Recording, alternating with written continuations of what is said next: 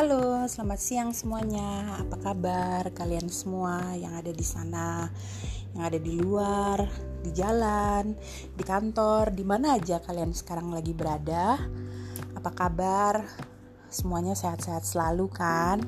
Dan yang pasti semuanya dalam perlindungan Tuhan dan dalam penyertaan Tuhan apa pun kegiatan kalian pada hari ini, aku percaya kalian di luar sana semuanya dalam keadaan baik. Dan hari ini tepat jam 2 siang lewat 2 menit hari Rabu tanggal 9 September 2020 episode 6 aku buat.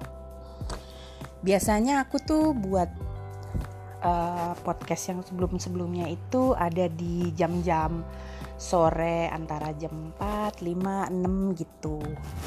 Di mana anak-anakku lagi pada mandi atau lagi pada main di luar. Nah ini kebetulan banget siang ini momennya pas lagi sepi anak-anak lagi pada tidur siang nggak tahu tumbenan mereka pada tidur siang jadi aku bisa nih nyolong-nyolong waktu supaya agak sedikit sepi tapi nggak juga sih yang kecil ada bangun Oke, balik lagi di segmen aku masih yang seputaran kehamilan, perjalanan hamil dari trimester 1, 2 sampai 3. Di episode sebelumnya kan aku sempat bahas tuh kalau aku kaget waktu dokter bilang aku hamil. Oke, aku udah nggak bahas itu lagi, tapi aku mau bilang bahwa setelah aku masuk uh, bulan kedua, ketiga, which is itu mau mendekati trimester kedua, itu siklus-siklus atau mood-mutan sebagai seorang yang lagi hamil tuh udah mulai timbul tuh. Ya dari pertama sih udah ada. Tapi rasa-rasa uh, manja-manjaan kita sebagai seorang perempuan, apalagi sebagai seorang istri itu ada nggak bohong sih sebenarnya waktu aku hamil itu uh, naluri naru, bukan naluri sih maksudnya desire aku sebagai seorang perempuan untuk berhubungan seks itu juga ada. Aku nggak bohong karena uh, ketika kita sedang hamil itu kan seluruh hormon di badan kita tuh semuanya bekerja. Jadi otomatis adalah hormon-hormon di mana kita kayak pengen pengen dibelai, disayang, having sex atau apa gitu. Aku nggak bohong kok, itu benar. Dan aku sempet tanya ke dokter aku, dok kira-kira boleh nggak uh, apa namanya hamil ada having sex gitu.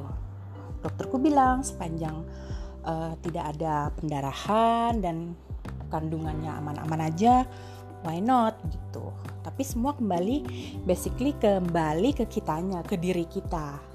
Nah balik nih basicnya ke aku bersama pasangan.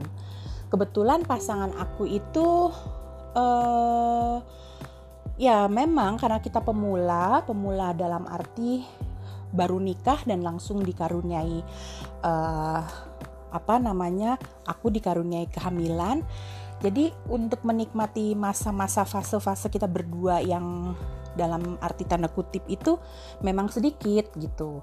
Nah, ketika aku sudah hamil itu aku mencoba untuk kayak ya pengen dong dibelai, pengen dipeluk gitu. Ya suamiku sekedar belai, sekedar sekedar peluk gitu.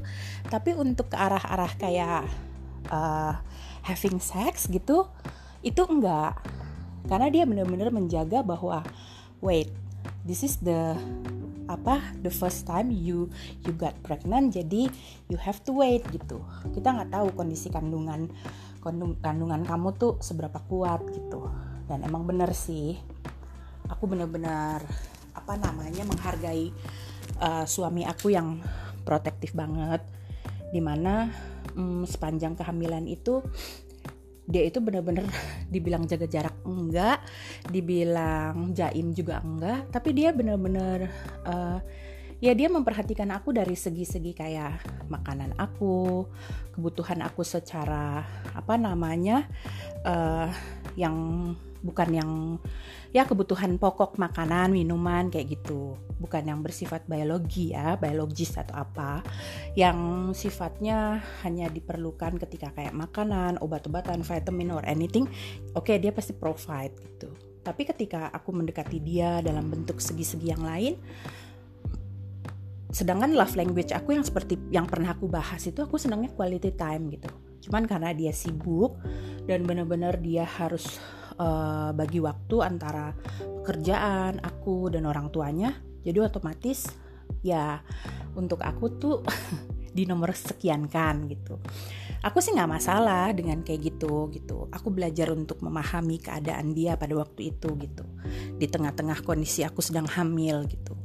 Jadi ke mana-mana tuh aku tuh uh, kayak beli buku sendiri jalan-jalan ke mall sendiri.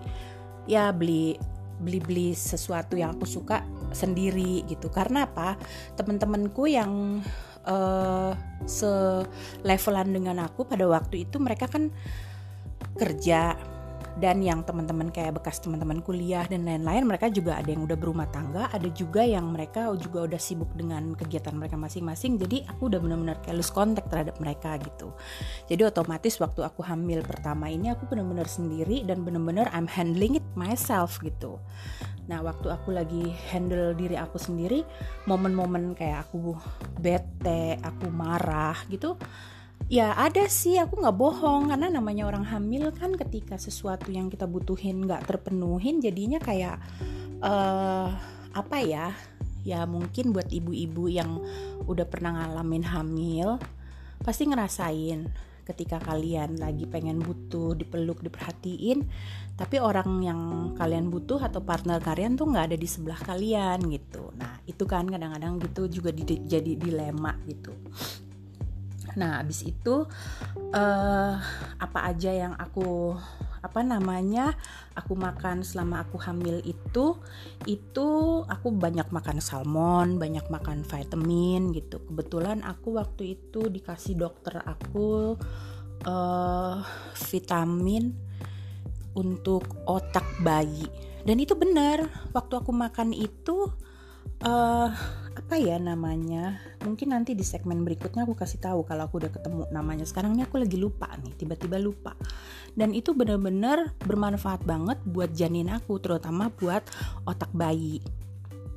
Dan aku juga selalu uh, ya karena sebagai balik lagi di ajaran agama aku when you need something you pray dan kamu berdoa kamu taruh deh tangan kamu tuh di kandungan kamu apa di perut kamu gitu. Dan kamu terus perkatakan perkataan yang positif. Kalau waktu itu aku suka bilang di kandungan aku bahwa uh, dari ujung rambut sampai ke ujung kaki kamu nak kamu sehat kamu lahir sempurna kamu lahir uh, kamu lahir sempurna. Walaupun uh, mungkin kamu ngerasain sedikit hati mami aku gitu. Memang ketika waktu aku hamil itu adalah momen-momen di mana aku sedikit ada bukan sedikit sih ada ada sedih-sedihan ada melo-melonya. Mungkin aku akan cerita itu nanti di segmen-segmen berikutnya di mana aku bener-bener ngalamin uh, bukan desperate sih tapi ngalamin uh, kesel mangkel jengkel dan aku nggak tahu itu mau marah sama siapa. Ketika kita hamil sebisa mungkin hindarin momen-momen yang namanya marah, emosi atau kesel terhadap seseorang ataupun terhadap diri sendiri. Tapi aku ngalamin hal itu gitu dan tipikal aku tuh bukan tipikal orang yang introvert, tertutup, jadi aku diem gitu. Enggak, aku luapin karena aku orang ekstrovert jadi aku luapin nggak tahu aku marah-marah sama siapa benting-benting barang lempar-lempar apa gitu pokoknya uh, worst banget deh gitu. Apalagi di momen lagi hamil gitu. Dan jujur penyebabnya sih pasti ada. Nggak mungkin itu uh, aku nggak ada sendiri terus aku kayak berulah-ulah sendiri tuh ad, apa nggak mungkin lah. Secara logika ada sebab pasti ada akibat. Mungkin nanti berikutnya aku akan share mengapa aku bisa sampai kayak gitu.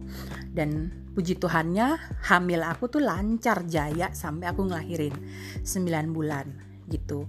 Dan aku uh, untuk kasih nama anakku yang pertama ini itu aku juga uh, minta sama Tuhan berdoa sama Tuhan Tuhan saya kasih nama anak saya ini siapa ya? Soalnya buat saya ini uh, surprise banget nih. Dia baru menik apa baru menikah satu bulan toto saya hamil. Kan ini luar biasa banget gitu.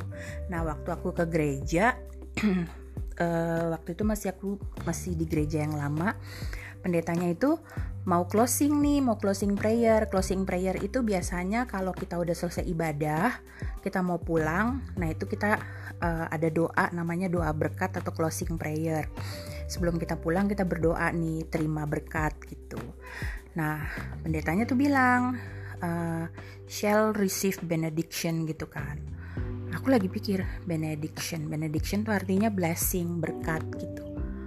Eh, aku langsung kepikiran, oh, this is your name son gitu. Karena setelah aku tahu anakku uh, cowok dan aku kasih nama anakku yang pertama Benedik dan Benedik itu artinya adalah berkat gitu. Di mana uh, aku nggak pernah expect aku nggak pernah bayangin itu yang Tuhan sediain buat aku gitu dan puji Tuhannya berjalan sampai 9 bulan seperti yang tadi aku bilang anakku lahir sehat normal dan aku pun ngelahirinnya juga cara normal sesuai dengan apa yang aku perkatakan. Gitu. Nah nanti di segmen berikutnya aku akan cerita uh, proses aku ngelahirin ya. Bukan proses ngelahirinnya gimana sakit sih ngelahirinnya tapi aku memang bener-bener uh, apa namanya striving banget struggling dan bener-bener berusaha this baby can be born normal gitu. Maksudnya aku ngelahirin dia normal dan nanti di berikutnya segmen berikutnya aku akan cerita dokternya hospitalnya dan minggu keberapa aku uh, masuk rumah sakit. Oke sampai ketemu. Dadah